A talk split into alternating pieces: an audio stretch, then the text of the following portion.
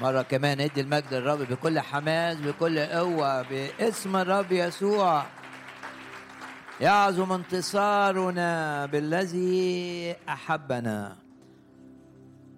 قلبي ولحمي يهتفان. هنهتف بكل كياننا. لملك الملوك ورب الأرباب الحاضر في هذا الاجتماع اهتف كده معايا بكل كيانك وانت واثق إن الرب حاضر هنا. اهتف كده وقول هاليلويا. هاليلويا. هاليلويا. ولما هتف الشعب هتافا عظيما لأنه وراء إيمان عظيم. إيمان بأن الرب يستطيع كل شيء ولا يعثر عليه أمر. إيمان بأن الرب يحفظ من كل شر. إيمان بأن الرب يعفو وينجي. إيمان بأن الرب يجعل كل الأشياء بلا استثناء تعمل معا لخيرنا. إيمان جوه قلبك بالرب يخليك تهتف للرب. هتاف عظيم. الكتاب يقول في سفر يشوع لما هتف الشعب هتافا عظيما سقط السور في مكانه. اهتف كده بإيمان للرب الذي يجعل كل أمورك تقول لمجده ولخيرك اهتف للرب بكل كيانك. اهتف للرب الذي يشفي المرضى الذي يحرر المقيدين الذي يخلص الخطاة الذي يملأ المؤمنين بالروح القدس. اهتف للرب بكل كيانك. وعبر عن ثقتك وعبر عن فرحك بالرب واهتف معايا وقول مرة كمان هاليلويا هاليلويا هاليلويا وندي المجد للرب. هاليلويا هاليلويا هاليلويا وزي ما شفنا قبل كده في سفر الملوك الثاني في قصة القصة العظيمة قصة أليشع لما كان في السامرة وشفنا إزاي إن جيش الأعداء اللي كان محيط بالمدينة الرب أسمعه جيش عظيم جدا جاي يهجم عليه. وإعلن إيمانك كده إن الرب يخلي هتافنا العدو يسمعه. الأرواح الشريرة تسمعه. فتهرب باسم الرب يسوع باسم الرب يسوع. يكون تسبيحنا مزعج للعدو. سفر الملوك الثاني الأصحاح السابع. فإن الرب أسمع جيش الأراميين آية ستة. إذا جيش العدو اللي كان محيط بمدينة من مدن شعب الرب مدينة السامرة اللي كان جواها رجل الإيمان. اللي بسببه نجت المدينة رجل الإيمان أليشع. فإن الرب أسمع جيش الأراميين صوت مركبات وصوت خيل صوت جيش عظيم. فقال الواحد لأخيه هو ذا ملك شعب الرب قد تخيل استأجر ضدنا؟ تصور إن في تحالفات مع شعب الرب لكن الحقيقة ما كانش كده. ده كان عمل إلهي عظيم. آية سبعة قاموا وهربوا في العشاء وتركوا خيامهم وخيلهم وحميرهم وهربوا لأجل نجاة أنفسهم. أصيبوا بالغباء لأن هم عايزين يهربوا لأن الرب اسمعهم صوت جيش جاي عليهم. يقول لك كده الكتاب أسمع الرب جيش الأراميين صوت مركبات وصوت خيل صوت جيش عظيم. عايزين يهربوا كان ممكن يستخدموا الخيول بتاعتهم والحمير بتاعتهم لكن الرب أصابهم بالغي أصابهم بالغباء سابوا الخيل سابوا الحمير وهربوا لأجل نجاة أنفسهم. ارفع إيدك كده واعلن ان هتافنا للرب تسبيحنا. وإحنا بنسبح الرب كده والآية تقول وأزيد على كل تسبيحك أسبحك أكتر وأكتر وأكتر. وأهتف ليك أكتر وأكتر وأكتر بكل قلبي. يبقى عندك إيمان إن الصوت بتاعك يصل إلى السماء ويفرح قلب الرب. وصوت تسبيحك وهتافك يسمعه العدو. فيهرب مذعور خائف مرتجف مصاب بالغباء. مرة كمان هنهتف للرب ونحن نتذكر معا كلمات الأصحاح السابع من سفر الملوك الثاني. وصل الرب كده آمن أنه حاضر في هذا الاجتماع حيثما اجتمع اثنان أو ثلاثة باسم الرب. الرب بيقول هناك أكون في وسطهم. لا تشك في حضور الرب. لا تشك فأن الرب حاضر من أجلك ومن أجل من حولك. لن تخرج من هذا الاجتماع كما دخلت. لن تخرج بأمراضك بضعفك بقيودك. لن تخرج وإنت حاسس بالإحباط. تقدر تقول كده الرب مجدي ورافع ورافع ورافع رأسي. ترفع راسك كده وتقول باسم الرب يسوع يعظم انتصاري. مشيئة الرب ليا إيه؟ ارفع إيدك كده أكون في الارتفاع. مشيئة الرب ليا إيه؟ ارفع إيدك لا يعوزني شيء. مشيئة الرب ليا إيه؟ أسير من قوة إلى قوة. مشيئة الرب ليا إيه؟ أتغير من مجد إلى مجد. ارفع إيدك كده اعلن إن مشيئة الرب ليك أن يستخدمك لامتداد ملكوته. ومشيئة الرب ليك أن تكون مساهما بفاعلية. في ناس تعرف الرب في ناس تنال الخلاص في ناس تتغسل بالدم في ناس تتولد الولادة الجديدة. ارفع إيدك كده واعلن حضور الرب في هذا الاجتماع. يملاك بالروح القدس روح القوة فتكون مؤثرا مبطلا لكل ما يفعله إبليس لإعاقة النفوس التي لها علاقة بك أن تأتي إلى الرب. اهتف للرب كده هتاف عظيم وراء إيمان وافرح بالرب لأن فرح الرب قوتك المؤمن الفرحان مؤمن قوي المؤمن الحزين مؤمن ضعيف نريد أن نكون مؤمنين أقوياء. الرب يرفع معنوياتنا الرب يفرحنا أكثر وأكثر. فرح الرب هو قوتنا. ارفع إيدك اعلن إنك أنت في الارتفاع وكل آلة كل آلة عملت لإيذائك أو لسلبك لا لا تنجح. كل آلة صورت ضدنا لا تنجح. وخطط إبليس خطط إبليس لكي نخرج خارج مشيئة الرب. تفشل تفشل تفشل. لا تكون ولا تقوم.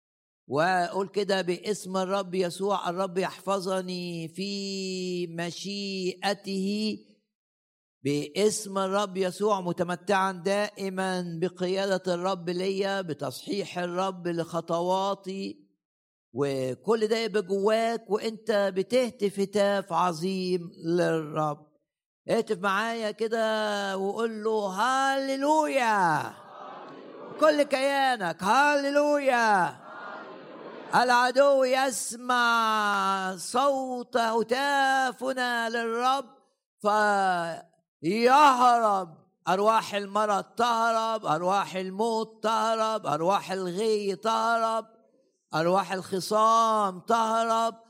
الرب يسمع العدو صوت هتافنا أنه صوت جيش عظيم جدا. فالأرواح الشريره أرواح الحزن أرواح الخوف أرواح الغي. تهرب باسم الرب يسوع. قوموا إبليس فيهرب منكم. نقاوم إبليس في هذا الاجتماع بأن ناتف بكل كياننا للرب. زي ما بيقول المزمور قلبي ولحمي ياتفان وفي هتافنا سقوط للحصون التي بناها إبليس أسلحة محاربتنا ضد ما يفعله العدو.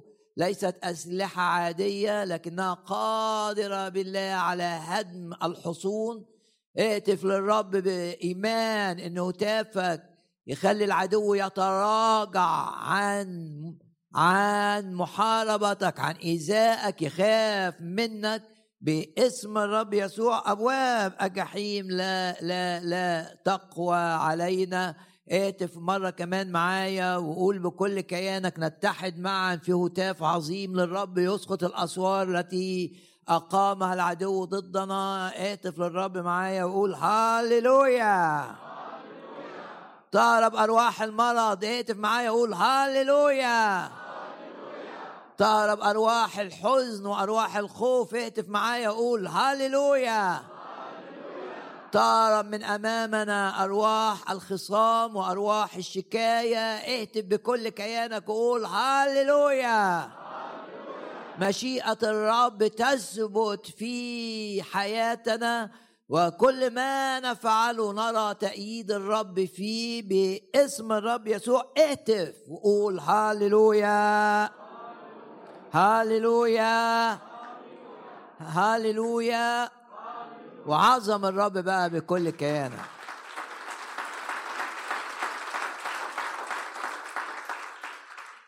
لن نعود من هذا الاجتماع كما أتينا.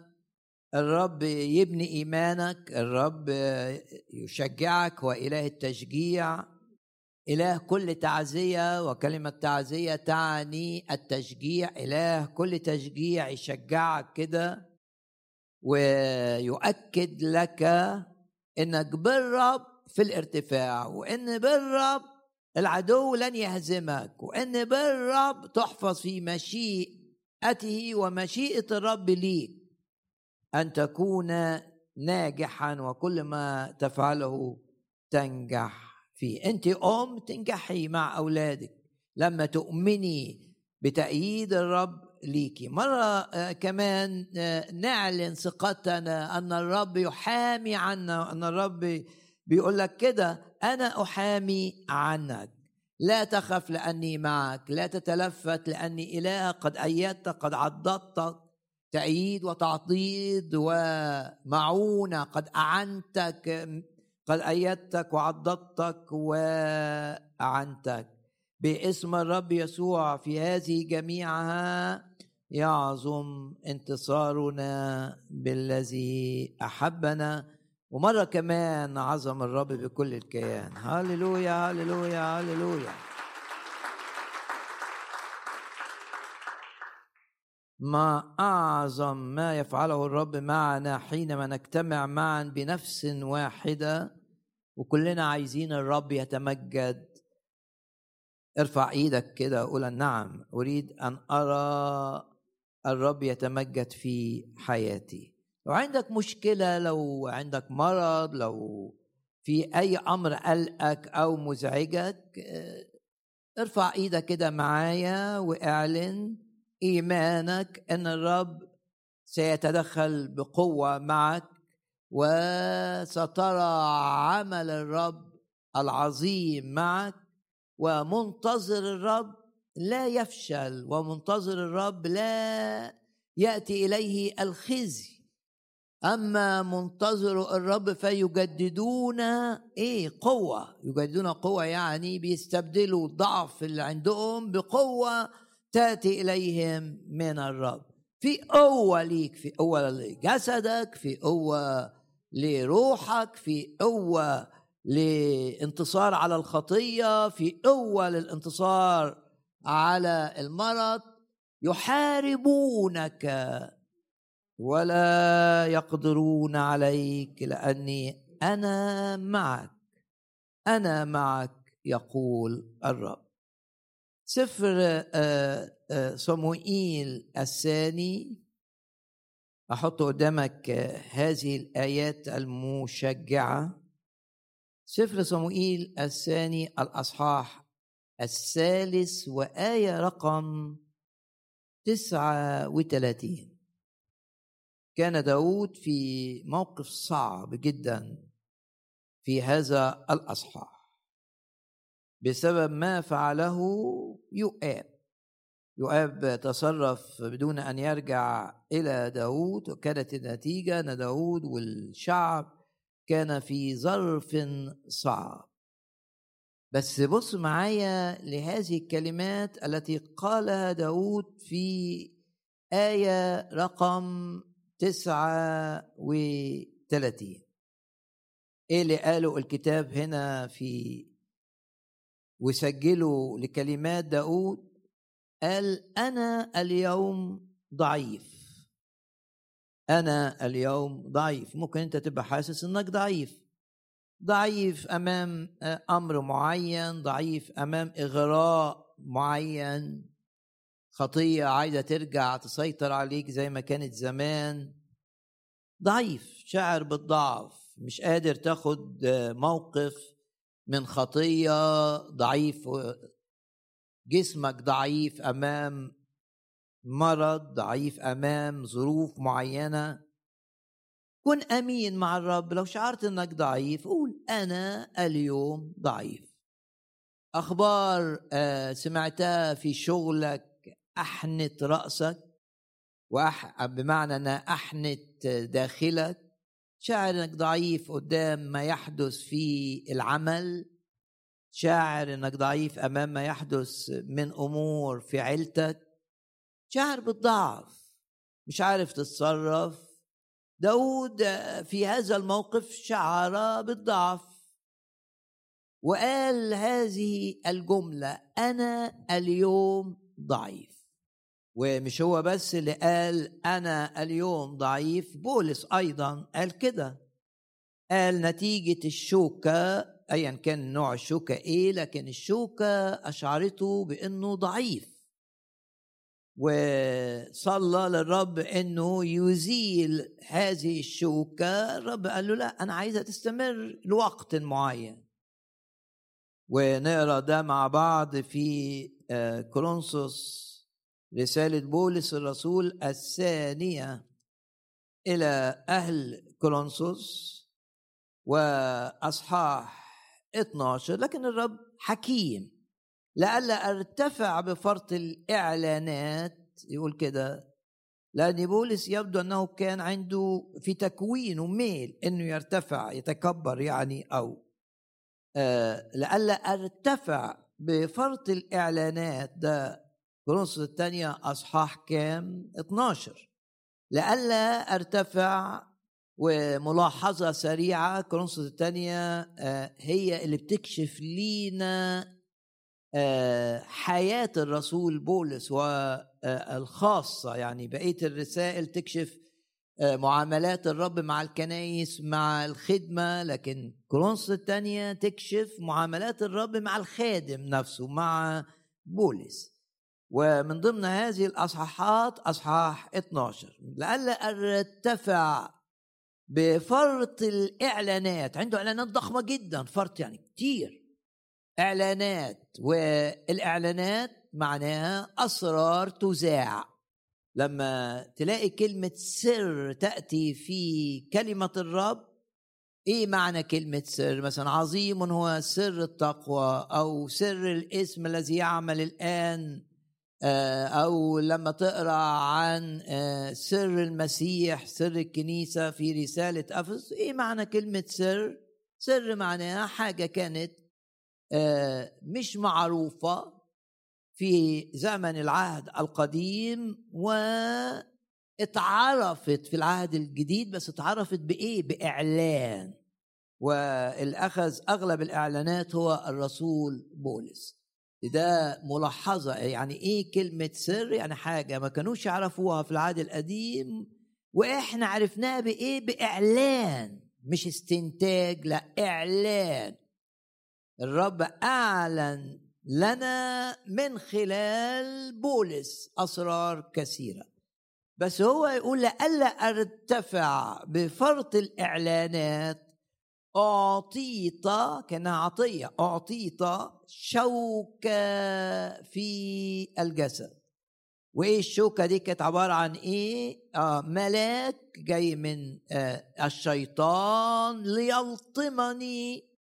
وهو شاف إن ده علشان معرض إنه يتكبر. فالرب استخدم هذه الشوكة لكي لا يرتفع من فرط الإعلانات. لألا أرتفع بفرط الإعلانات أعطيت شوكه في الجسد. ملاك الشيطان ليلطمني لئلا أرتفع. يبقى ورا الشوكة دي كانت محبة إلهية لبولس لأن الرب مش عايز بولس يدخل في الارتفاع الذات والكبرياء مش عايزه. فالحكمه الإلهية شافت إن بس أنت مش بولس. لأن أحيانا آه، ناس يبقى عندها حاجات. واضح إن دي آه، مجرد إنهم يدخلوا في حرب مع العدو ينتهروا روح المرض روح المرض هينتهي. فلا تضع نفسك مكان بولس. ده بولس كان معرض إنه يتكبر. عشان كده أعطيت شوكه في الجسد ملاك الشيطان ليلطمني لئلا أرتفع. عمل إيه بولس؟ ده درس عظيم جدا لينا. من أجل هذا لا تقبل الشوكه ابدا. لا تقبل. تعلم من بولس. تعلم من بولس إيه؟ إنك دائما تقاوم الحاجة اللي بتضعفك الحاجة اللي واقفه في سكة خدمتك الحاجة اللي واقفه في سكة صحتك الجسدية الحاجة اللي واقفة آه، في سكة نجاح أولادك لازم تقاوم. وكيف أقاوم؟ تقاوم. شوف بولس عمل إيه؟ تضرع. كلمة تضرع يعني مش صلاة عادية لا صلاة بكل كيانه. من أجل هذا تضرعت إلى الرب. كم مرة تضرع إلى الرب؟ مش مرة مش اتنين لا ده تضرع. تضرع قعد فرصة صلاة كده وتضرع. شيل الشوكة دي شيل الشوكة. آه ليه سايب شوكة تضايقني؟ تضرع في المرة الأولى ولم يجد استجابة في الواقع العملي. خد فرصة مرة كمان مع الرب. آه، حاول مش تحاول لا. آه، خانني التعبير. دائما لما تكون متحير تعال للرب وتحدث مع الرب. وعلى فكرك لا تعتمد. دايما ارجع للرب وكلم الرب. و بكل تأكيد لما نأتي إلى الرب الرب سيساعدك دائما. ده اللي عمله بولس. ما كانش في استجابة في المرة الأولى ف خد فرصة صلاة كمان للمرة الثانية. من أجل هذا تضرعت إلى الرب ثلاث مرات. مرة ثالثه ما جاش ما فيش حاجة اتغيرت في الواقع. واحد بيصلي عشان فلوسه اللي ضاعت ترجع. صلى وحضر اجتماع صلاة الناس صلت معاه من أجل هذا الأمر والفلوس ما رجعتش. صلي للمرة الثانية. ما رجعتش الفلوس صلي للمرة الثالثة. من أجل هذا تضرعت إلى الرب ثلاث مرات أن يفارقني ملاك الشيطان اللي بيلطمني. آه، ضربة قوية ضربات قوية. وبعدين الرب أجابه في المرة الثالثة اللي صلى فيها. لكن متأكد إن لو الرب ما كانش رد عليه كان هيستمر. يستمر يصلي. لما يبقى عندك تحدي استمر تصلي. ما تتوقفش ابدا إلا لو الرب جاوبك. تقول لي أنا مريض. أقول لك آه صلي من أجل الشفاء. أنا هو الرب شفيك. يشفيك يسوع المسيح. صلاة الإيمان تشفي المريض. بجلدته شفيته. آيات في الكتاب تتكلم عن يهوى رفا اللي هو معناه الإله الذي يأتي بالشفاء. تقول لي صليت وآمنت ولسه زي ما أنا. أقول لك صلي ومرة كمان واستمر. صلوا ولا تتوقف. صلوا ولا تملوا. صلوا كل حين. وتقعد تصلي لحد إمتى؟ لحد الرب يجاوبك أو تنال الشفاء. وده اللي عمله بولس صلى مرة فرصة صلاة اتنين تلاتة وبعدين الرب أجابه. إيه اللي قاله له الرب؟ الرب قال له هسيب الشوكة.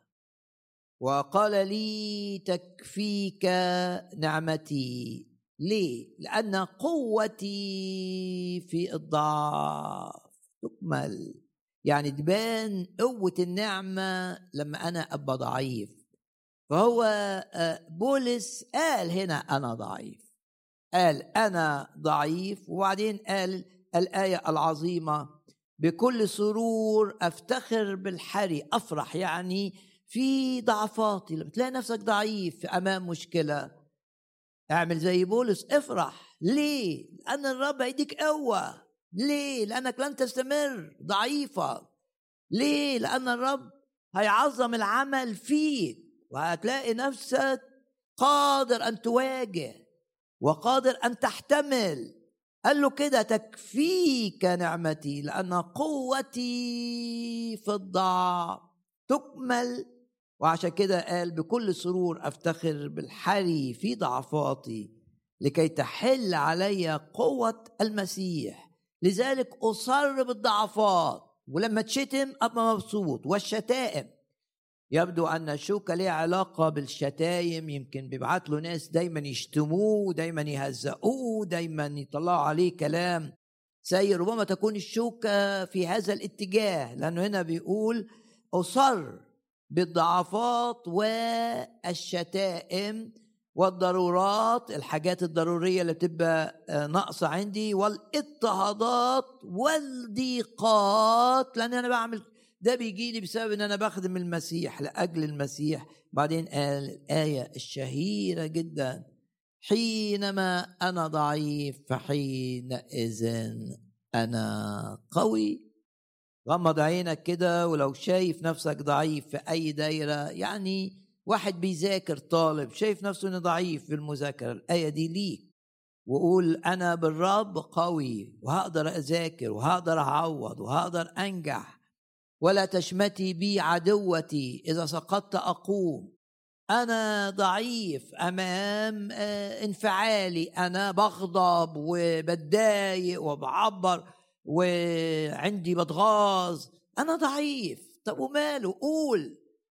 مع الرب لن أستمر. حينما أنا ضعيف فحينئذ أنا قوي.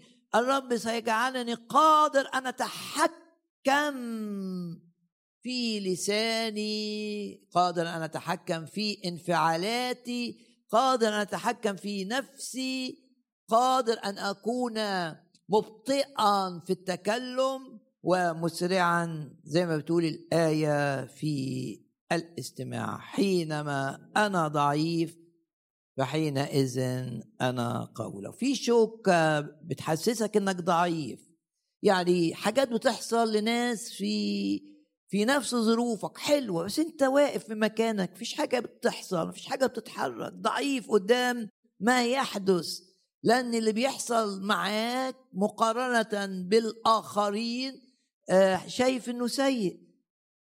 بولس يقول لك افرح في هذا الضعف لأن الرب سيتمجد معك وتستطيع أن تقول حينما أنا ضعيف فحينئذ أنا قوي.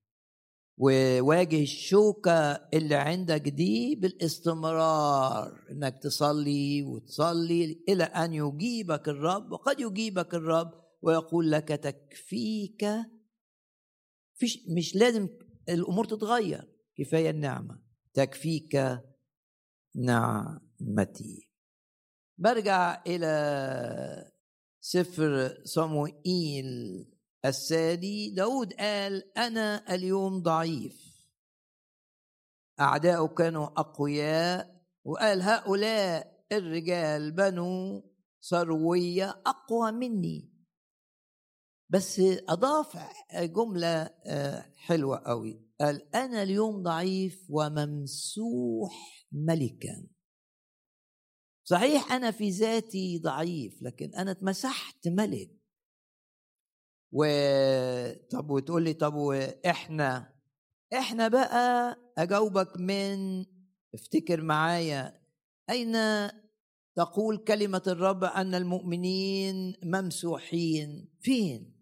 تدور كده في ذهنك والروح القدس يفكرك معايا بكلمات الرسالة آه، رسالة يوحنا الرسول. الأولى لكم مسحه من القدوس. افرح بهذه الكلمات التي تقرأها في رسالة يوحنا الرسول الأولى. أنا اليوم ضعيف صحيح أنا ضعيف لكن أنا عندي مسحة. وداود بالمسحة انتصر رغم أنه كان ضعيفا. و انت كمان بالمسحة اللي في حياتك تنتصر باسم الرب يسوع تنتصر لكم مسحة من القدوس. أما أنتم ده في أصحاح اثنين فالمسحة التي أخذتموها منه ثابتة. يبقى أنت واخد كتبت إليكم هذا. أما أنتم أما أنت أما أنت يوحنا الرسول الأولى الأصحاح الثاني. الآيات العظيمة عن إن إحنا ممسوحين أما أنتم فالمسحة التي أخذتموها منه من الرب ثابتة فيكم. باسم الرب يسوع. أقدر أقول زي داود أنا النهارده ضعيف أمام حاجة معينة هو كان ضعيف قدام قراباته دول أقرباء ليه لكنهم آه، تسببوا في كوارث ولا سيما آه، قائد الجيش بتاعه لكن لم يفقد إيمانه. شاف إنه ضعيف لكن شاف إنه ممسوح ملك. ارفع إيدك كده واعلن إيمانك إن الرب مسحك أن تكون ملكا وأن تكون كاهنا. مين اللي كان بيتمسح في العهد القديم؟ مين؟ ما العهد القديم ده اللي فيه الرموز اللي بتشرح حقائق العهد الجديد بالرمز. مين اللي كان بيتمسح في العهد القديم؟ واحد الكهنة.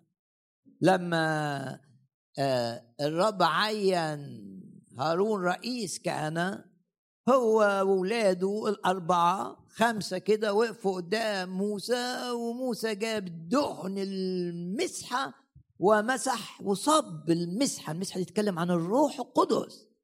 على رأس هارون وعلى رأس أولاده الأربعة. يبقى مين كان بيتمسح في العهد القديم؟ الكاهن. مين كان بيتمسح في العهد القديم؟ الملك. وداود مسح أكثر من مرة.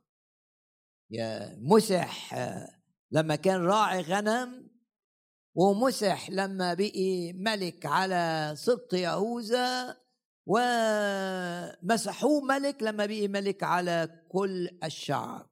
مسح ثلاث مرات تأكيد إنه مؤيد من الرب لكي يكون ملكا بحسب مشيئة الرب.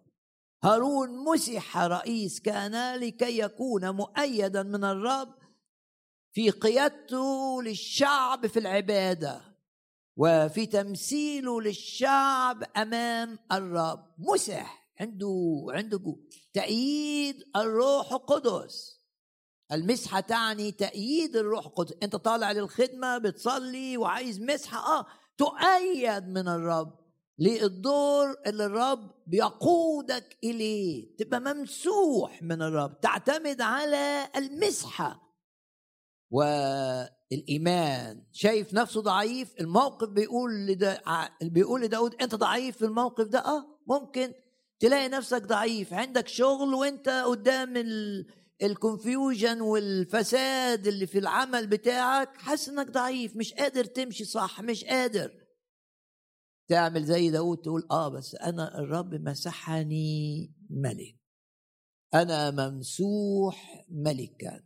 إيه معنى إن المؤمن ممسوح كاهن؟ إنه في صلاتك ككاهن. تصلي من أجل الآخرين تتشفع من أجل أولادك تتشفع من أجل زوجك تتشفع من أجل بيتك تتشفع من أجل فصل مدارس الأحد اللي بتخدم فيه. الصلاة بتاعك مؤيد بالروح القدس. فتصلي بالروح وتصلي بالذهن هذا الكائن الممسوح. في فرق بين هارون قبل أن يمسح وهارون بعد أن مسح بالدهن اللي سكبوا موسى على رأسه. أنت عرفت الرب؟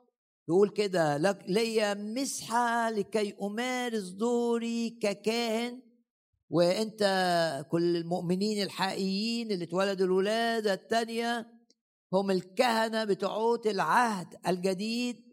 وده بنقراه آه في إعلان واضح في رسالة بطرس الرسول الأولى والاصحاح الثاني إعلان واضح جدا يقول لك كده مبنيين كلنا كهنوتا مقدسا عشان بنقدم ذبائح بس مش حيوانات دي بنقدم ذبائح روحية مقبولة عند الله. بطرس الرسول الأولى الأصحاح السادي وآية رقم كام؟ ده, ده آية عظيمة جدا. آية رقم خمسة ويأكدها في آية تسعة أما أنتم فجنس مختار الرب هو اللي اختارني قول كده أنا أنا مديون للرب الرب هو اللي اللي فتش عليا وهو اللي جابني من الكورة البعيدة وهو اللي غير حياتي وهو اللي حط في قلبي أن أعيش لي وأن أخدمه. الرب هو الذي اختارنا. زي ما الرب قال للرسل لستم أنتم اخترتموني بل أنا اخترتكم. هتقول لي ما أنا اللي قررت أن أنا أقبل الرب يسوع؟ أقول لك آه بس آه، قبل ما تقرر مين اللي أعطاك الفرصة أن تقرر؟ مين اللي اختار إنك أنت تقرر؟ الرب. هنا يقول أما أنتم فجنس مختار وكهنوت. ملوكي لأنك أنت مش كاهن بس أنت اتمسحتش كاهن بس اتمسحت كاهن وملك. غمض عينك كده وقول أنا ضعيف لكن ممسوح كاهنا. سأصلي صلوات مقتدرة في فعلها. الروح القدس هيخلي صلواتي هي صلوات الإيمان التي تمجد الرب. صلواتي هتبقى صلوات تغير آه، ظروف وأحداث. سأصلي صلوات وأدخل إلى عرش النعمة. أنا ممسوح الرب هيحط كلام في قلبي لكي أصلي به. سأصلي بحسب مشيئة الرب. قول كده جواك أنا ضعيف لكن ممسوح كاهن. وتقول كمان أنا ضعيف ولكن ممسوح ملك. وتقول لي طب إيه معنى مسحة الملك؟ مسحة الملك إنك أنت ليك سلطان كملك. زي ما في المرة الماضية كان رمز المؤمن إيه؟ الأسد لأن الأسد هو ملك الغابة. زي ما سليمان أعلن إن شعبه كله أسود الرب بقيادة إلهية عمل 12 أسد على الدرجات اللي تحتيه درجات السلم اللي تحتيه. يبقى قاعد كده على الكرسي وشايف الشعب ممثل ب 12 أسد. آه الرب شايفنا كده. شايفنا أسود يعني ملوك والملك هو من له سلطان حيث كلمة الملك هناك سلطان. ليك سلطان؟ آه. ليك سلطان إنك تدوس على الحيات والعقارب. ليك سلطان إنك تقاوم الشيطان فيهرب منك. ليك سلطان على الظروف بتاعتك؟ نعم. ليك سلطان إنك تجعل إبليس ما يتدخلش؟ آه ليك سلطان. ليك سلطان. ليك سلطان إنك تنتهر آه. ليك سلطان تخرجون الشياطين باسمي. ليك سلطان إنك تنتهر أرواح المرض. نعم. ليك سلطان على مملكة العدو. أنت ملك. ليك سلطان من الرب. داود شايف الواقع بيقول أنا ماليش سلطان أنا ضعيف قدام آه، العيلة اللي عملت كوارث. إنما ارتفع بالإيمان وقال أنا ممسوح ملكا. إيه الرسالة في هذا الجزء التشجيعي؟ اعتمد على مسحة الروح. ومين كمان كان في العهد القديم بيمسح في قصة أليشع الرب قال ايليا ارجع وامسح فلان وامسح فلان وامسح فلان. ومنهم أليشع النبي؟ الأنبياء يمسحون. آه مسحة. طب والنبي دوره إيه؟ أن يتكلم. يبقى عنده كلمات يقولها. وهنا أقرأ لك آية عظيمة أنبهك ليها من رسالة بطرس الرسول الأولى. يا رب استخدم هذا الاجتماع لتقوية إيماننا ولتسكن فينا الكلمة بغنى. ونبقى دايما زي المؤمنين بتوع بيرية لما كانوا يراجعوا أي حاجة يقول لك دول كانوا أحسن من بقية الناس لأنهم كانوا يرجعوا البيت عشان يشوفوا الكلام اللي سمعوه زي ما بيقول الكتاب ولا لأ. باسم الرب يسوع. باسم الرب يسوع. تسكن فينا كلمة المسيح بإيه؟ بغنى. بغنى. رسالة بطرس الرسول الأولى الأصحاح الرابع وآية كام؟ آية رقم 11 إن كان يتكلم أحد فكأقوال الله. دي مسحة النبي إنك أنت الرب يقودك إنك تتكلم مع حد فيضع كلامه زي ما عمل مع أرمية كده يضع كلامه في فمك.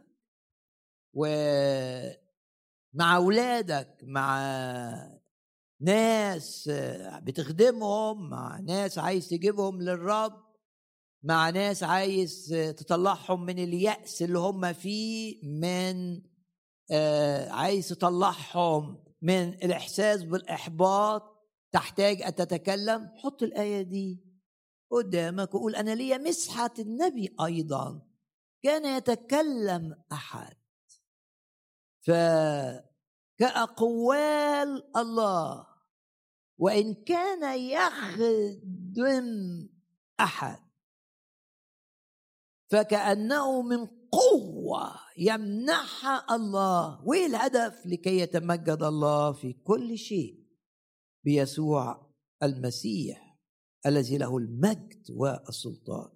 نرفع إيدينا ونعلن إن الآيات دي أرسلها الرب لينا كلنا باسم الرب يسوع حينما نتكلم فنتكلم كأقوال الله وحينما نخدم فكأنه من قوة يمنحها الله لنا والهدف نعم يا رب لا نريد مجد أنفسنا ولكن نريد مجدك أنت.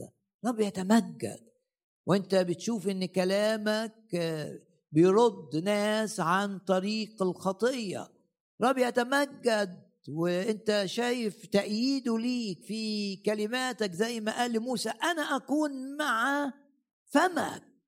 أنا أكون مع رغم إن موسى كان في الوقت ده ما بيعرفش يتكلم فقد القدرة على الكلام السلس تهذب بكل حكمة وأقوال المصريين في أول أربعين سنة وكان بيعرف يتكلم كويس أوي أوي أوي.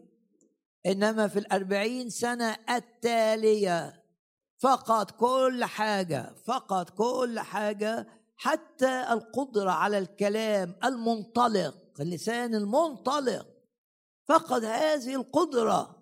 وقال للرب أنا لست صاحب كلام لا أمس ولا أول من أمس. أنا ما بعرفش أتكلم.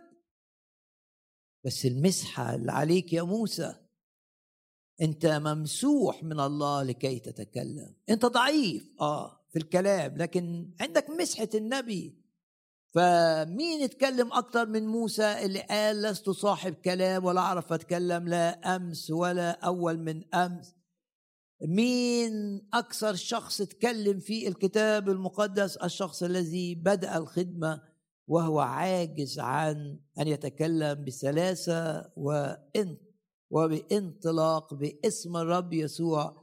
لو انت بتخجل تكلم حد عن الرب لو انت جواك انك آه نفسك تنصح فلان بس ما عندكش القدرة ومش بتعرف تتكلم آه الرب استخدم ناس ما بيعرفوش يتكلموا الرب استخدم صيادين سمك آه أتى بهم ومنهم بطرس نفسه بطرس ما كانش زي بولس. بولس اتعلم تعليم قوي جدا جدا جدا جدا. الخلفية بتاعته تعليم و آه، يعرف في اليونانية جيدا جدا جدا ودارس النسخة السبعينية دراسة قوية وتتلمذ عند عالم اسمه غمالي إيل. بولس غير بطرس لكن الرب ما استخدمش بولس بس. استخدم صياد السمك بطرس وأعطاه مسحة أن يتكلم مسحة النبي. كان يتكلم أحد.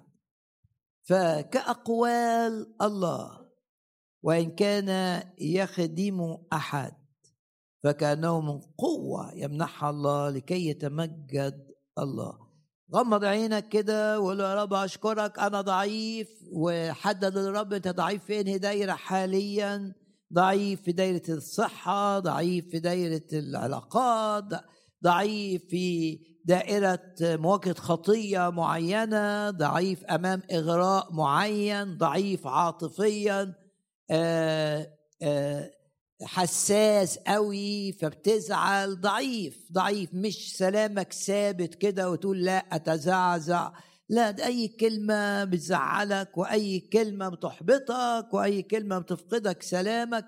قول للرب أنا ضعيف. بس اعلن إيمانك إنك ممسوح لكي تكون كاهنا وممسوح لكي تكون ملكا لك السلطان وممسوح لكي تكون آه، نبيا يتكلم وكلامه مؤيد من الرب سواء كان كلام نبوة أو كلام علم أو كلام أو كلام حكمة. وفي سفر أشعياء الآية العظيمة أفكركم بها يتلف النير. بسبب السمانة والترجمة كمان تيجي بسبب المسحة. يعني عمل الروح القدس تأييد الروح القدس لو في قيد يتلف يتلف النير. الرقبة بتاعت الحيوان بسبب الأكل الحلو تقدر تضغط على النير وتكسره. آه أنا كمان بسبب التغذية بالكلمة لازم يبقى ليك كل يوم قاعدة مع الكتاب المقدس عشان تبقى مؤمن قوي. لازم يبقى ليك كل يوم آه، عشرة مع الكلمة وزي ما آه، أعتقد رسالة آه، تيتوس واحدة من الرسائل الرعوية تقول لك الخادم أو القائد لازم يكون ملازما للكلمة بحسب التعليم الصحيح. يكون إيه؟ ملازم للكلمة. يعني الكلمة تبقى صديق الشخص. مش حاجة كده بيفتكرها بين وقت وآخر. باسم الرب يسوع نرفع إيدينا عايزين آه الروح القدس يعمل نقلة في علاقتنا بكلمة الرب. وعايزين نقلة في علاقتنا بالروح القدس. باسم الرب يسوع. يبقى عندك الكلمة وعندك الروح. الشعب ضل الرب قال لهم تضلون ليه؟ لأنكم لا تعرفوا الكلمة ولا قوة الله. ما تعرفوش قوة الروح. باسم الرب يسوع.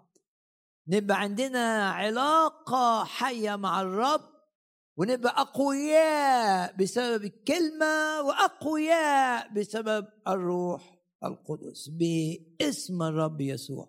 وأي قيد في حياتنا ينكسر يتلف النير القيد بسبب المسحة. أنت عرفت الرب لن تشوف نفسك ممسوح. لك مسحة من القدوس. لازم تشوف نفسك مؤيد بالروح القدس. وممكن تطلب إنك تمتلئ بالروح. واعلن إنك أنت بسبب الروح القدس هتبقى كائن يعرف كيف يتشفع وكيف يصلي صلوات مقتدرة في فعلها. وبسبب الروح القدس تتعامل مع الأرواح الشريرة بسلطان وتدوس حياة وعقارب وتتعامل مع نفوس مقيدة وتحررها ليك سلطان الملك لأنك ممسوح ملكا. وليك إنك تتكلم كأقوال الله كنبي. وبسبب ده أي قيد في وجهك يتلف القيد بسبب المسحة. غمض عينك كده ومع الجزء التشجيعي ده آه، اقفل عينك كده واسأل الرب إيه اللي لمسك. وجد كلامك يا رب فأكلته كل الكلمة كده وافرح بيها. آه حينما أنا ضعيف حينئذ أنا قوي. هللويا. أنا ضعيف لكن ممسوح ملك. أنا ضعيف لكن ممسوح نبي. أنا ضعيف لكن ممسوح كاهن. هللويا. تأييد الروح القدس تأيدون تلبسون قوة من الأعالي. متى حل الروح القدس عليكم وتكونون لي شهودا. هللويا. والروح القدس في حياتي يبقى زي النار.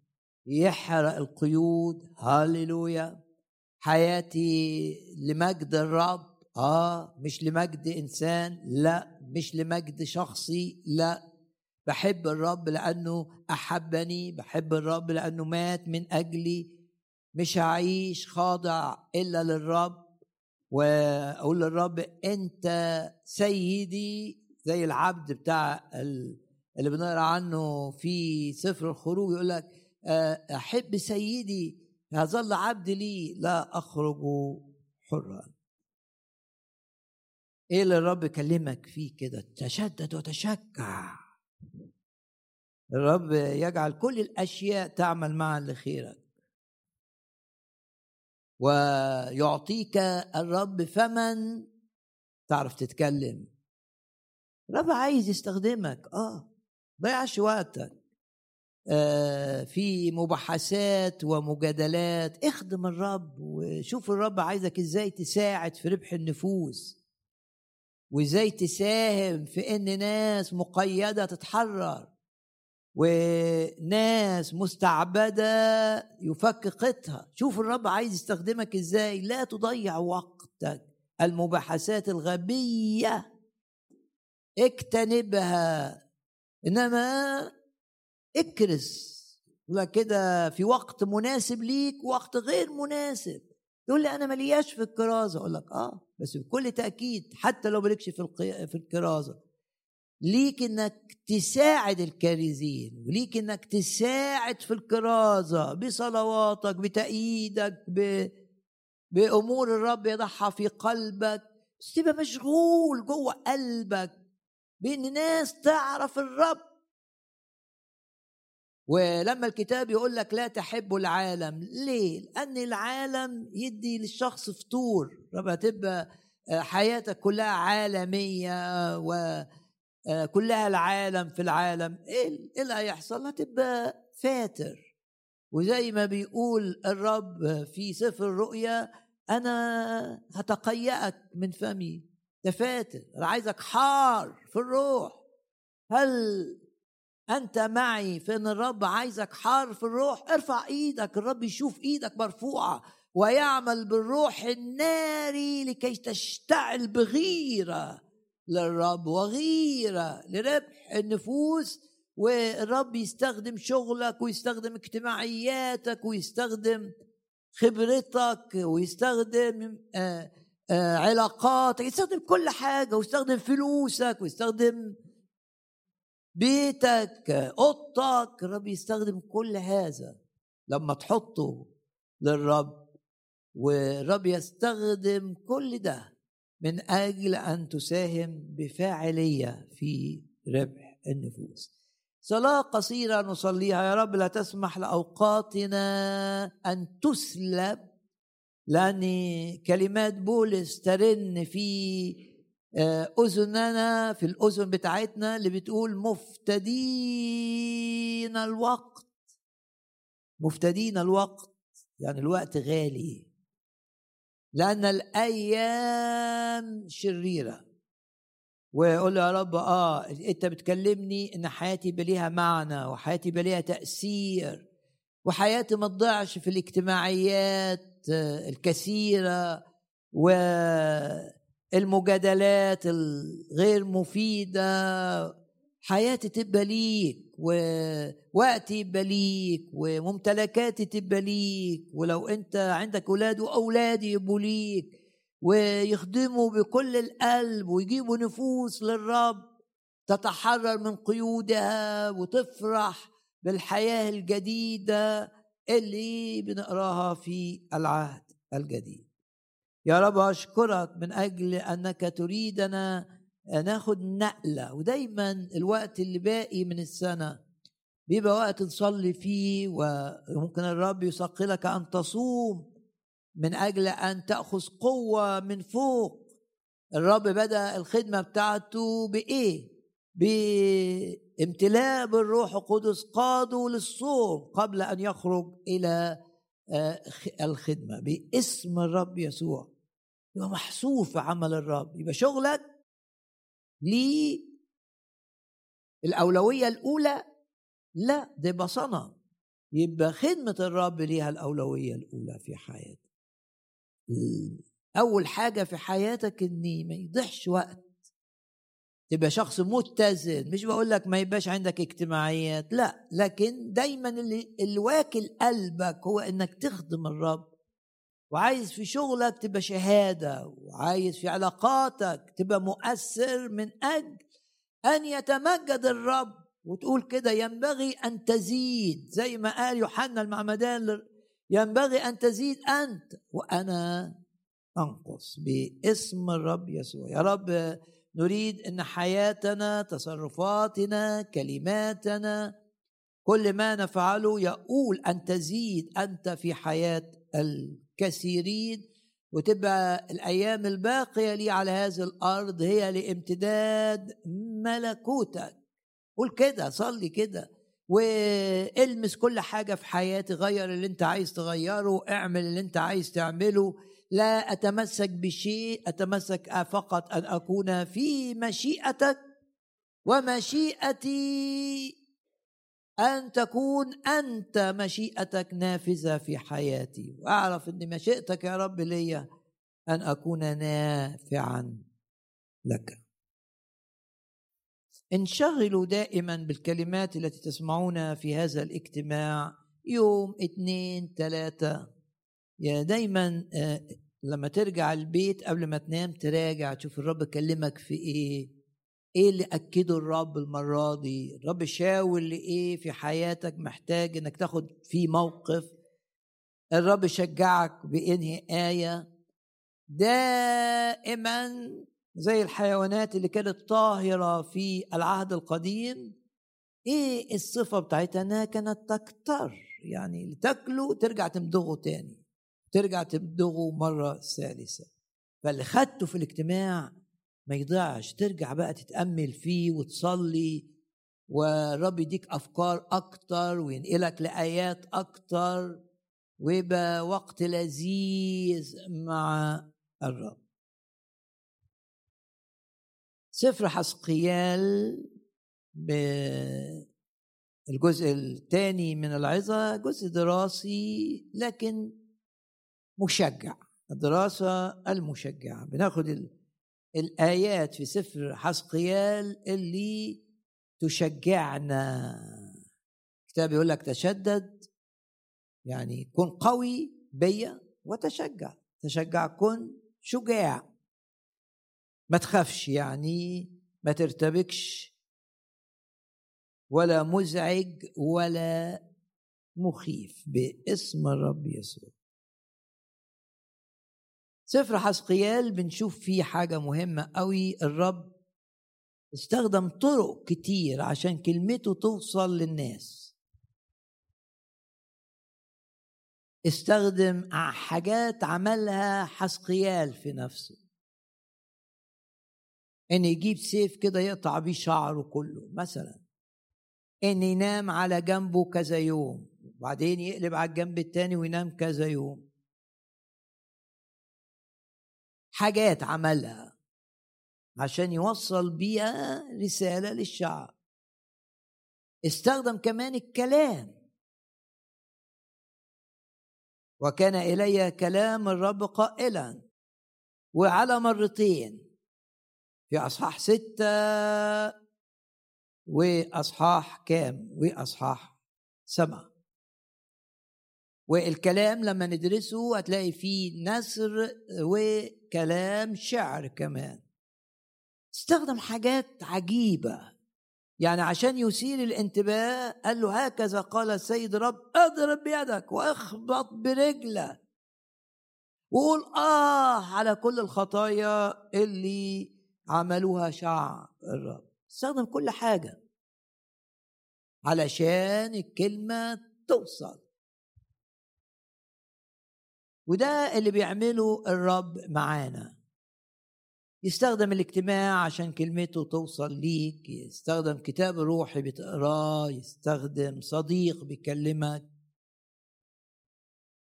تتنوع الطرق. وزي ما قال بولس المهم إن كل حاجة هدفها إن الكلمة توصل وإن الشخص يتجاوب مع الكلمة. سواء الكلمة اللي بتدعو الشخص لقبول الخلاص أو الكلمة اللي بتدعو المؤمن لطلب الامتلاء بالروح القدس المهم ان كلمة الرب بأي طريقة توصل. كن مرن مع الرب. زي بولس كده يقول لك صرت اليهودي كيهودي صرت للضعيف مش بكلمه كشخص قوي ضعيف. ليه يا بولس بتعمل كده؟ قال أنا ليا هدف. إيه؟ أربح على كل حال ناس تيجي. ليسوع تنوع الطرق عند حسقيال. وفي الأصحاح السادس وفي الأصحاح السابع بعد ما انتقل من وسائل الإيضاح اللي كان بيعملها ارسم مدينة أورشليم وحط حواليها كذا. واعمل سور بينك وبين المدينة اللي حطيتها على الطين دي ورسمتها. ابتدى الرب يديله رسائل لليهود العبرانيين اللي كانوا عايشين في السبي. في الوقت ده كان شعب الرب جزء موجود في أورشليم كان الهيكل لسه موجود وجزء كان سبي. من اللي اتخذوا في السبي دانيال ومن اللي اتخذوا في السبي حسقيال ودول كلهم اتخذوا ويعيشوا في بابل. برضه لازم يبقى عندك معرفة ما دام في دراسة. المسافة من بابل إلى أورشليم قد إيه؟ بنقرأ في سفر عذراء إن عذراء خد الرحلة من بابل اللي كان عايش فيها حسقيال في الوقت ده اتسبى وراح بابل. ودانيال بس دانيال كان بقى دعوته إن يبقى في قصر الملك ويبقى عنده وظيفة عظيمة.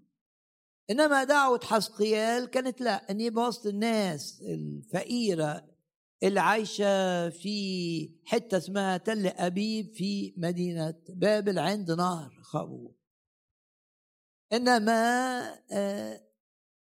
الرب استخدم دانيال وزي ما بنشوف مع بعض بيستخدم أيضا حسقيال.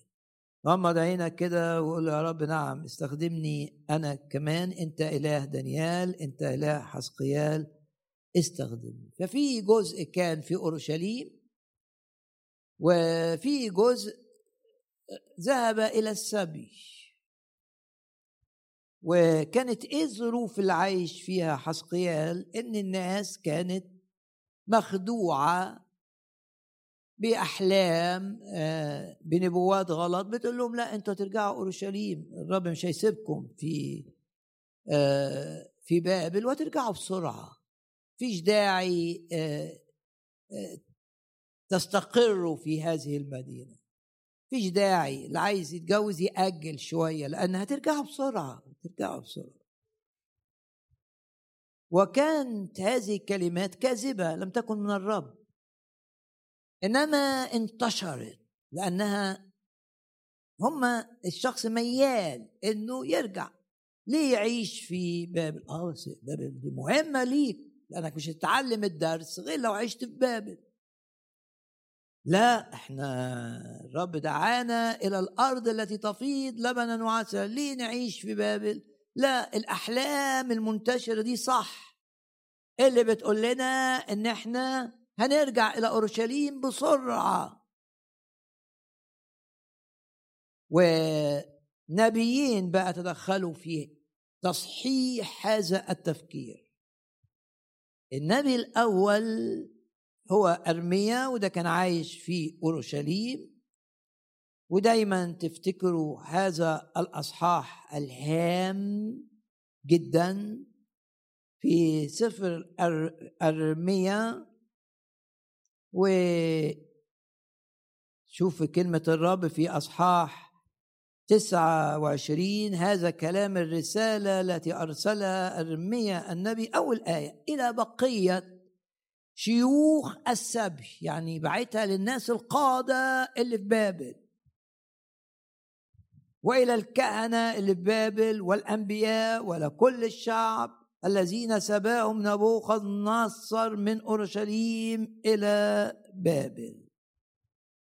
هكذا قال رب جنود أي أربعة. لا اللي بيقول لكم ما تبنوش بيوت وما تستقروش لا ابنوا بيوتا. واسكنوا آية خمسة. واعملوا جناين وغرسوا جنات وجوزوا أولادكم. وهكذا قال رب جنود لا تغشكم أنبياءكم الذين في وسطكم وعرفوكم ولا تسمعوا لأحلامهم التي بتحلموا بها لأني أنا لم أرسلهم يقول الرب. قال لهم لا أنتوا هتقعدوا سبعين سنة في بابل. إني عند تمام سبعين سنة لبابل أتعهدكم و أردكم لأني عرفت الأفكار التي أنا مفتكر بها عنكم يقول الرب أفكار سلام لا شر. يبقى يقعدوا في بابل المدة الطويلة دي آه ده فكر سلام لأنهم هيرجعوا لل... هيرجعوا لعبادة الأصنام. لو ما تعلموش الدرس والرب بالحكمة شايف إن الشعب ده القاسي اللي رقبته قاسية وعنيد يحتاج إلى مدة زمنية طويلة عشان ما يرجعش للغلط اللي بسببه راح السبي. وده فعلا اللي حصل إن الشعب بعد ما رجع من السبي بعد سبعين سنة من أول واحد اتسبى لم يعود مرة أخرى إلى العبادة الوثنية. عاد لخطايا لكن لم يعود للعبادة الوثنية لأنه اتحفر جواه بسبب ما حدث له في بابل مين اشترك بقى مع أرميا في الحتة دي؟ حسقيال. وده اللي تشوفه في حسقيال إنه بيقول لهم لا مدينة أورشليم مش هترجعوا لها دلوقتي المدينة هتتخرب والهيكل هيتهدم وهتعيشوا في بابل سنوات لكي تتعلموا هذا الدرس. حسقيال الأصحاح السابع كان إلي كلام الرب قائلا أرسل غضبي عليك وأحكم عليك كطرقك بيتكلم أورشليم. وبيقول لهم خلاص جه الوقت اللي أنا اتدخل فيه و... ولما اتدخل تعلمون أني أنا الرب الضارب. اللي بيضرب علشان بيحب هو بيضرب ضربات الرب بتبقى بسبب الحب. عشان اللي اللي عايش في الغلط يفوق زي ما شعب الرب فاق. أصحاح ثمانية بقى. كان كان في السنة السادسة بس آه، غمض عينك كده وصلي كده معايا إن لن تخدع باسم الرب يسوع. وإن الرب سيرسل لك أرميا سيرسل لك حسقيال لكي لا تخدع. رب بعت للشعب أرميا بعت لهم رسائل واحد واستخدم حسقيال اعلن إيمانك معي. لأن ممكن واحد يقول لي طب أنا إيه اللي يضمني؟ ما أنا ممكن أصدق حاجة وتبقى في الآخر غلط. لا اللي يضمن الرب. بس لا تتكل على ذهنك ولا على تفكيرك. إنما قل له يا رب أنا تفكيري في إيدك. وبشجعك تحط إيدك كده على راسك كده وتقول له يا رب تحكم في أفكاري. ونقي أفكاري من أي أفكار ليست منك. ومن أي أفكار غير مؤيدة بكلمتك الحية الفعال أشكرك يا رب لأنك أنت اهتميت بشعبك علشان ما يصدقوش الأحلام الكتير. ده كان روح عرافة بقى بيخلي كل الناس تحلم نفس الحلم إنهم راجعين أورشليم ودي حاجة حلوة عايزين يرجعوا. وأكيد كلهم بيقولوا إحنا رجعنا للرب والرب يرجعنا. دي نبوات جاية والرب يقول هترجعوا. يا رب أشكرك. صلي معايا كده الصلاة دي. إنك أنت أرسلت لهم مش شاهد واحد شاهدات. أرميا من أورشليم وحسقيال في بابل لكي لا ينخدعوا بالأحلام وبكلام الأنبياء اللي بيتكلموا بمشاعرهم ولا يتكلمون كلمة من الرب. إيه اللي يضمن بقى الرب؟ بص للرب كده وقول له أشكرك لأنك أنت تضمن اني أنا ما اتخدعش إنك أنت تضمن نقاوة تفكيري إنك أنت الضامن ليا لا ذكائي ولا خبرتي ولا أي حاجة أنت الضامن. وقول للرب كده ما تخافش قول للرب نقي تفكيري وينقي مشاعري من كل شيء يجعلني أفكر عكس كلمتك أو عكس ما شيئتك لحياتي. تواضع أمام الرب. وقول يا رب أنت ضامن إن أنا أستمر في مشيئتك طول الأيام. كان إلي كلام الرب. ده أصحاح ستة وأصحاح سبعة. في أصحاح ثمانية بقى أول آية كان في السنة السادسة في الشهر السادس في الخامس من الشهر.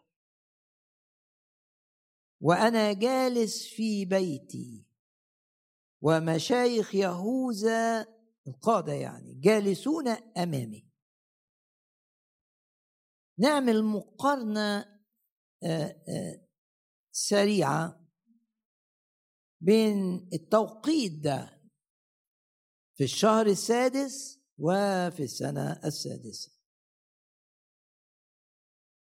مع آية في أصحاح الأول يقول لك في السنة الخامسة وفي الشهر الخامس. يبقى في فترة زمنية بين الرسائل اللي الرب عطاها لحسقيال عشان يقولها للشعب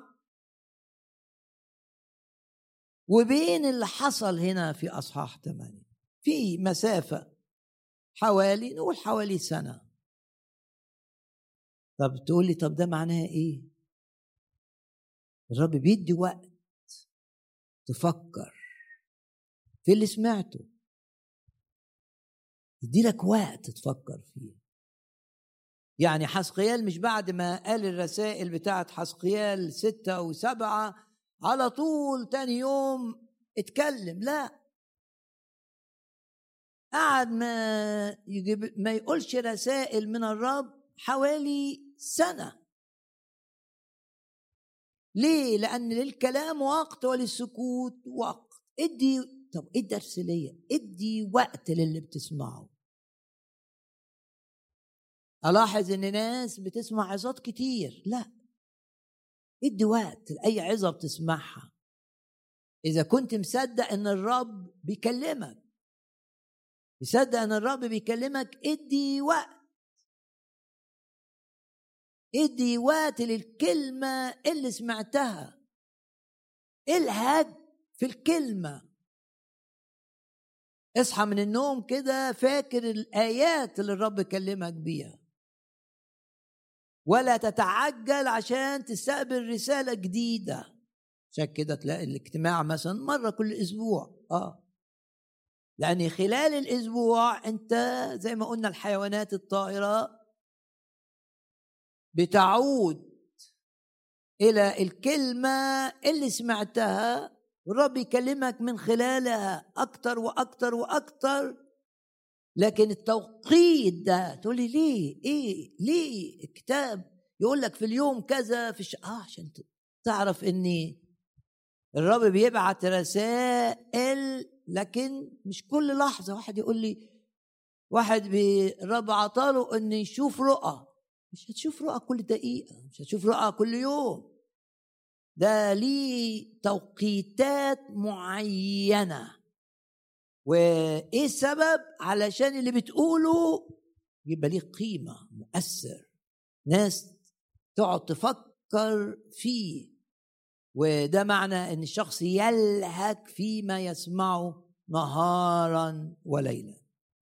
حسقيال وهتلاقي ده في كل الأنبياء. مش طول النهار بيتكلموا مش طول لأ. أنت آه عرض نفسك لكلمة الرب. بكل تأكيد لكن اهضم الكلمة اللي سمعتها. وجد كلامك فأكلته ممكن أنت وجد كلامك في الاجتماع بس حفظته بس تأملت فيه في الاجتماع بس صليت فيه بس ما أكلتهوش. ما لهكتش فيه وتأملت والروح قادك إنك تربط الآية دي بآية في الحتة الفلانية. ما عملتش ده. باسم الرب يسوع. رب يدينا إن إحنا نهضم ونأكل الكلمة وندي وقت للكلمة. وعشان كده آه، ادي وقت للكلمة اللي بتسمعها الهك فيها. واسأل الرب النهارده الأسبوع ده الرب الرب بيركز على إيه في حياتي؟ وعايزني آخد مواقف شكلها إيه؟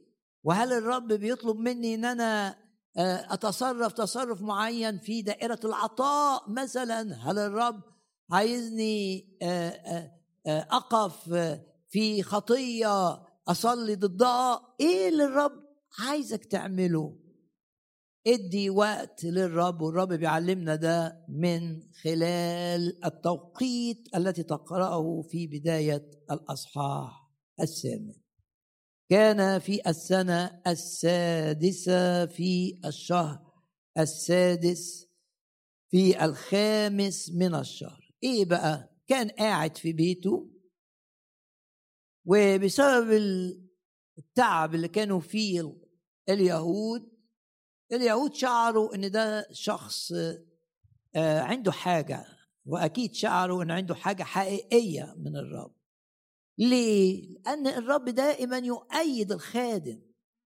لو أنت بتخدم الرب من قلبك لازم تعلن إن الرب اللي أيد هارون. ده ترى ده في سفر العدد والعصاية اللي طلعت ورق تآمن إن الرب يؤيدك. تبقى مؤيد من الرب. حسقيال ما عملش معجزات في الوقت ده ما فيش ما الكتاب لم يذكر. لكن بكل تأكيد الرب أرسل هيبته أمام حسقيال بكل تأكيد. وشافوا إن ده بيتكلم مختلف واختلافه في تأثير ما يقوله. اللي بيقولوا ليه تأثير ليه تأييد في مسحة. ما رغم إن بعقلهم مش عايزين يقبلوا اللي قالوا لا أرمية ولا حسقيال هم عايزين يرجعوا أورشليم. ده بيقول كلام يحبط. يقول لنا هنقعد سبعين سنة في بابل ولازم نشتري بيوت. ده مش إحنا اللي عايزين لكن الرب أيد حسقيال. وارفع إيدك كده واعلن إن في الأمور اللي يكلفك الرب بالقيام بها تكون مؤيدا مؤيدا من الرب وتأييد الرب لك يكون واضحا. تأييد واضح من الرب. لا تخطئه العين. مؤيد. تقول لي عرفت إزاي إنه مؤيد؟ ان القادة راحوا له البيت وقعدوا قدامه. وقعدوا قدامه وهو سابهم بقى وبالروح راح أورشليم وهم قاعدين. ده معناه إيه؟ معناه إن الشخص ده اللي بيتصرف تصرفات غريبة قوي ممكن أي حد يتهكم عليه وهو بياكل كده أكل قليل وبطريقة عجيبة ويقص شعره بسيف ولا بخنجر. إيه ده؟ وشعر شوية منه يحرقهم في النار و... إنما واضح هنا تأييد الرب. له مرة كمان ارفع إيدك واعلن إيمانك إن آه، الرب يؤيدك في كل الأمور التي يكلفك بالقيام بها. نفس الوقت تقول له يا رب لا تسمح أن أسير خارج مشيئتك. أنا عايز أمشي في الخطة اللي أنت وضعتها ليا. زي ما رسالة أفسس بتقول إن في خطة أنت عملتها لكي نسلك فيها. قد سبق الله فأعدها لكي نسلك فيها. أنا مش عايز أمشي في خطة وضعها إنسان مش عايز أمشي في خطة آه، وراها ميول عاطفية. أنا عايز أمشي في السكة التي أنت وضعتها لي. يقول لك سبق الله فأعدها لكي نسلك فيها. وليكن يا رب ما تريدني أن أقوم به صلي معايا هذه الصلاة أكون مؤيدا. تبقى شايف تأييد الرب ليك والناس اللي حواليك شايفين تأييد الرب لك.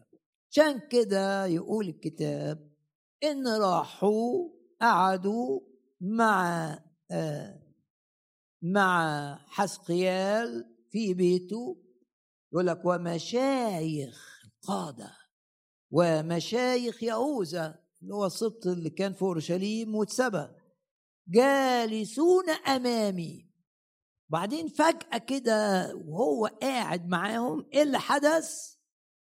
أن يد السيد الرب وقعت عليه خلاص بقي في اللحظة دي هيستخدم من الرب. أن يد السيد الرب وقعت علي والتعبير ده شفناه مع بعض في الأصحاح الأول وآية ثلاثة صار كلام الرب إلى حسقيال وكانت عليه هناك يد الرب. تتكرر كتير يد الرب دي يمكن سبع مرات في السفر. إنما في الأصحاحات الأولى بنلاقيها في الأصحاح الأول ونلاقيها كمان في الأصحاح الثالث وآية رقم كام؟ آه, آه يقول لك كده ويد الرب كانت قوية علي كانت شديدة علي. حملني الروح وأخذني فذهبت ويد الرب كانت شديدة علي أصحاح ثلاثة آية 14 وكمان آية اثنين وعشرين وكانت يد الرب علي. غمض عينك كده وتقول إيد الرب عليا لكي أعيش كما يريدني الرب لكي أخدم كما يدعونني الرب. يد الرب عليا يبقى واثق إن إيد الرب عليك. وبالمناسبة دي لو الرب دعاك وحسسك إنك هتاخد حاجة عن طريق وضع اليد لأني تضعون أيديكم على المرضى فيبرؤون. وضع اليد من أجل الإبراء الشفاء النفسي والجسدي أو الشفاء الروحي. أو وضع اليد من أجل الامتلاء بالروح القدس زي ما حنانيا وضع إيده على آه، بولس. أو وضع اليد بسبب دعوة خاصة الرب هيأيدك بيها. يعني في أهداف كثيرة لوضع اليد بس المهم إنك تشوف مش دي إيد الخادم الموضوع. ده يبقى شايف إن دي إيد الرب اللي على رأسك أن يد السيد الرب وقعت علي هناك. وآية ثلاثة ومد شبه يد وخدوا من شعره كده دي رؤية هو قاعد قدام الناس. و عشان هيرجع يكلمهم. رب خده كده. وممكن الرب يعمل ده في أي وقت. اوعى تقول إن زمن هذه الاختبارات قد انتهى. مد شبه يده اخذني ورفعني روح وأتى بي في رؤى الله إلى أورشليم. يعني هو قاعد معاهم كده راح أورشليم. وشاف حاجات ذكرها في حسقيال ثمانية وعلشان يتكلم بما رآه. غمض عينك كده واسأل نفسك إيه اللي الرب كلمك بيه النهارده؟ سواء في التشجيع أنا ضعيف ولكن مسحت ملكا. وبالسياق ده نقول مسحت كاهنا ومسحت نبيا ويتلف القيد بسبب مسحة الروح. لأنك لما تبقى ممسوح وشايف نفسك كاهن هتصلي صلوات فيها إيمان. لأن الإيمان بيديه الروح. من أجل الحرية فيتلف النير. أو بسبب الروح تشوف نفسك ملك ليك سلطان فتقدر تنتهر الروح اللي مقيدك لو هو ورا القيد تبقى ممسوح ملك. وتبقى ممسوح نبي. تقدر تكلم نفسك بكلمات من الكلمة ترفع إيمانك والنتيجة أن القيد يتلف. مش يتكسر ويرجع. لا يتلف يعني لا يعود مرة أخرى. تلف معناه أن لا يصلح للتصحيح مرة أخرى. نرفع إيدينا ونعلن أن الرب بيحررنا من قيودنا حرية نهائية. كل نير مقيدين به يتلف يعني لا يقوم مرة أخرى باسم الرب يسوع. لا تشفى من مرض ثم يعود المرض إليك. لا يتلف هذا النير باسم الرب يسوع. لا تتخلص من سيطرة خطية ثم تعود الخطية تسيطر عليك مرة أخرى. يتلف النير بس تبقى شايف نفسك. حتى وأنت ضعيف أمام الشوكة تبقى شايف نفسك ممسوح بالروح القدس. زي ما قال داود. أنا ضعيف ولكني ممسوح ملكا. وإيه اللي كلمك بيه الرب من خلال سفر حسقيال؟ إنك أنت سايب نفسك للرب يستخدمك كما يشاء. مش هتقلد حد مش هتكرر حاجة لا. رب ممكن زي حسقيال مرة يستخدمه ينام على جنبه مرة يستخدمه يتكلم مرة يستخدمه وهو صامت مرة يستخدمه يكتب شعر مرة يستخدمه يكتب رؤية. آه. هسيب الرب يستخدمني كما يشاء هو. مش هحدد للرب الطريقة اللي يستخدمني بيها. أوعى تحدد للرب سيب نفسك للرب وقول له استخدمني كما تشاء. ممكن ابقى يهودي مرة ممكن ابقى يوناني مرة ممكن ابقى ضعيف مرة زي بولس إنما استخدمني لكي أساهم في نفوس تعرفك وتنال الخلاص. إيه اللي الرب لمسك بيه النهارده في الكلمة الدراسية؟ إنك دايما تدي وقت لكلمة الرب إنها تشتغل فيك. والرب حذر قال في ناس تاخد الكلمة وبعدين تيجي الطيور تخطف الكلمة. ناس وهي في الاجتماع متأثرة وواخده قرارات مع الرب وفرحانة بأن الرب سمعها ورد عليها في العظة بكلمات واضحة. ده وبعدين وهي طالع بقى تأتي الطيور تخطف الكلمة ينام كأنه ما سمعش حاجة. باسم الرب يسوع ارفع إيدك معايا عشان نعلن إن الطيور الأرواح الشريرة لن تقدر أن تخطف الكلمة اللي الرب بيرسلها إلينا. الكلمة تتغرس في قلوبنا وتجيب ثمر. 30 وال30 يبقوا 60 وال60 يبقوا 100 ادي وقت بين الكلام اللي قاله حسقيال والكلام اللي هيقوله في أصحاح 8 وطالع في مسافة حوالي سنة لم يتكلم فيها. إيه اللي الرب كلمك فيه؟ إنك أنت محتاج تأييد الرب. إيد الرب تبقى عليك. وتكون مؤيدا كما كان حسقيال مؤيد أمام الشيوخ. رغم إنه كان سنه صغير آه بدأ الخطبة هو سنه 30 ودول كبار لكن كان مؤيد من الله. عشان كده رب قال لتيموساوس لا يستهن أحد بأنك صغير في السن. لا يستهن أحد بحداثتك لأني أنت تأييدي واضح. باسم الرب يسوع. إيه اللي لمسك بيه الرب؟ إنك لو بتتقدم لوضع اليد لازم دائما تلاقي جوه قلبك إيمان إن دي إيد الرب وليست يد إنسان. نقف جميعا في محضر الرب الآن.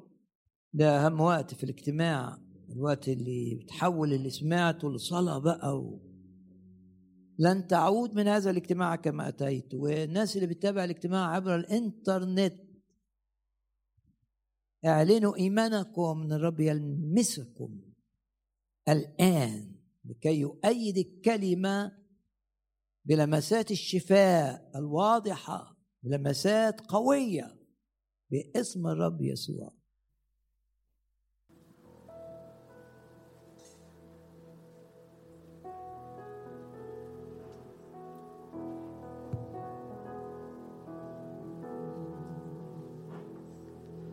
شكرا. من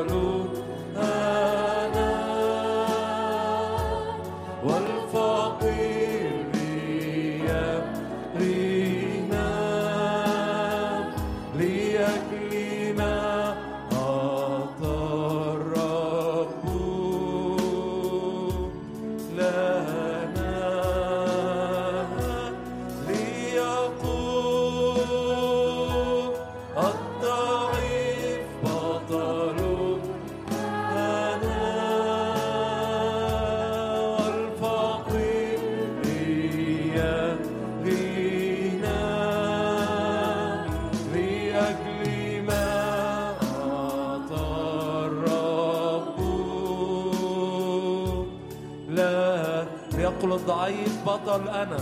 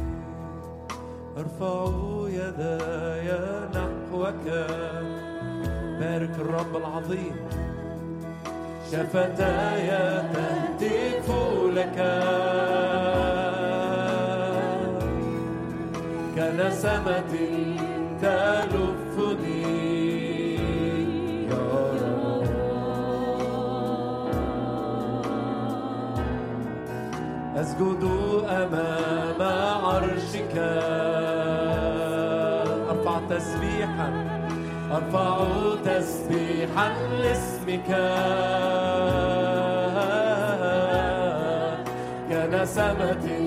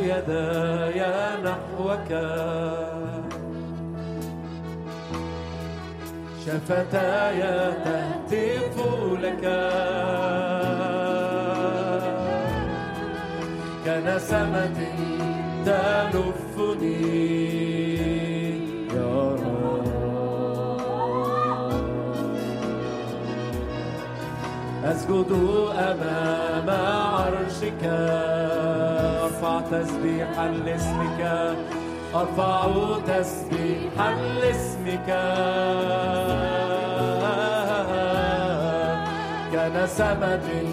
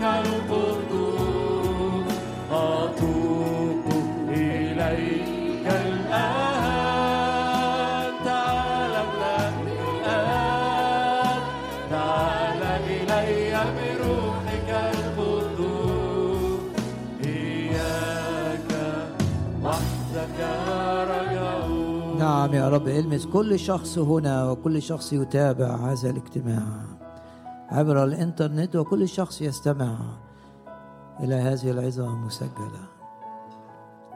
لمسه تسدد بيها احتياجاتنا المتنوعة. هللويا. تدي راحة لأنك تقول تعالوا إلي يا جميع المتعبين وثقيلي الأحمال وأنا أريحكم تدي راحة تدي سلام. سلاما أترك لكم تقول سلامي أعطيكم. تدي راحة وتدي سلام وتدي شفاء. وتعمل أعمالك العظيمة فينا. بنعلن إيماننا بالدم الثمين فيش لعنات تأتي إلينا. ولا لعنات وراثية. ولا إيذاء بسبب أسحار لا عيافة ولا عرافة تنجح معنا. بنعلن إيماننا بالدم الثمين بابنا مغلق أمام المهلك. بنعلن إيماننا بالدم الثمين مقدسين بالدم مخصصين للرب بالدم محررين بقوة الدم. مخلصين من الهلاك الأبدي بإيماننا بالدم مرعبين لمملكة إبليس بسبب إيماننا بالدم. هللويا. ارفع إيدك كده معايا وأعلن كل خطة شيطانية بسبب إيماني بالدم لا تقوم ولا تكون. هللويا. أرواح المرض أرواح الموت تحت الأقدام بسبب إيماننا بالدم. مكتوب هم غلبوه بدم الخروف. اعلنك انت منتصر بإيمانك بالدم. هللويا هللويا. يا رب نشكرك ونباركك ونعظمك. تعالج عيوبنا وتعالج نتائج أخطائنا وتكمل عدد أيامنا. وترسل هيبتك أمامنا. هللويا هللويا. تجدد كالنسر كالنسر كالنسر. تجدد شبابنا. نعم. وتجعلنا دائما ندوس على الحيات والعقارب وكل قوة العدو ولا يضرنا شيء. مكتوب هؤلاء بالخيل هؤلاء بالمركبات. أما نحن فاسم إلهنا نذكر. هم عصروا وسقطوا ونحن قمنا وانتصبنا هللويا. اوه هللويا. باسم الرب يسوع. يا رب أشكرك. تتحكم في كل الذين هم في منصب. من أجلنا. من أجل أن تستخدمنا أعظم من أي وقت مضى تتحكم في كل الذين هم في منصب لمجدك ولخيرنا. هللويا. وتقفل بيبان وتفتح بيبان عشان نبقى في مشيئتك في كل أمورنا. هللويا هللويا هللويا. اعلن ده أسبوع للأخبار السارة العظيمة. هللويا هللويا. حط قدامك الكلمات عظم الرب العمل معنا. رب يعظم العمل معاك. ويكسر فرحك. لا للهم لا للقلق لا للخوف لا للحزن. الذي فينا أعظم من الذي في العالم. والوعد يحاربونك ولا يقدرون عليك. لأني أنا معك أنا معك. أنا معك يقول الرب. هللويا. الآن إلى الترنيمة الأخيرة في الاجتماع.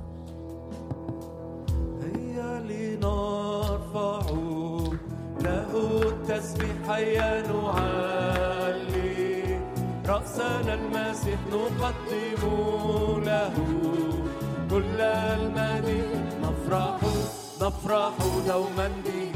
هيا هيا هيا لنرفع له التسبيح هيا نعلي.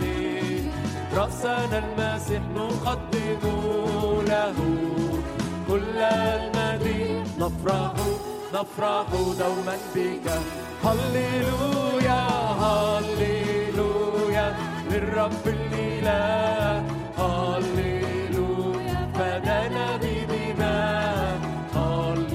هللويا ما حسقنا صار برانا هللويا هللويا للرب الإله. هللويا فدانا بدماء. هللويا ما حسقنا صار برانا كم أن أرفع اسمك أنت فدية ما أعظم حبك أجد أغني لشخصك أفرح أفرح دوما بك. هللويا هللويا. من رب الإله هللويا. فدانا بدماء ما حصاك ما حصاك قناه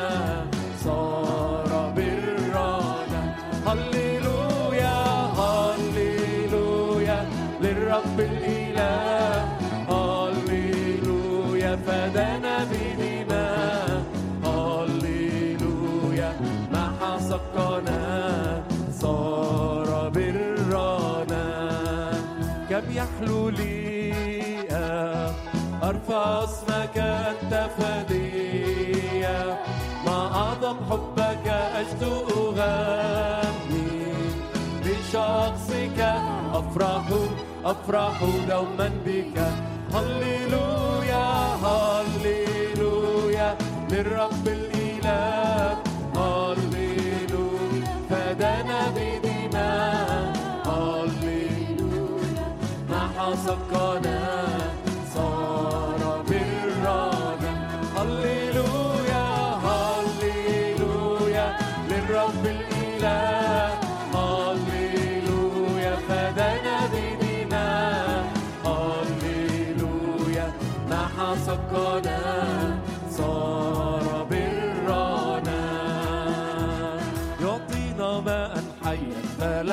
نعطش أبدا.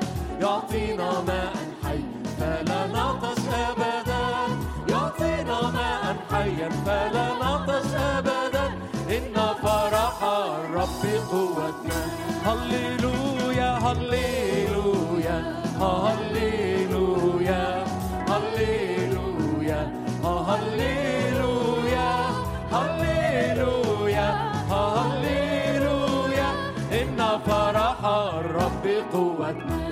ماء حيا. يعطينا ماء حيا. فلا نعطش أبدا. يعطينا ماء فلا نعطش أبدا. يعطينا ماء حيا. فلا نعطش أبدا. إن فرح الرب قوة من مثل الرب إله من مثل الرب إلهنا من مثل إلهنا من مثل الرب إلهنا إن فرح الرب قوتنا. هللويا هللويا قول هللويا هللويا هللويا هللويا هللويا.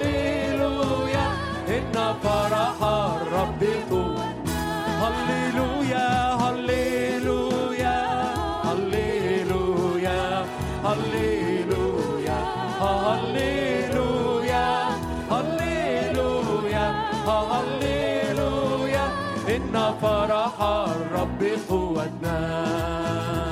يعطينا ماء حيا فلا نعطش أبدا. يعطينا ماء حيا فلا نعطش أبدا. يعطينا ماء حيا فلا نعطش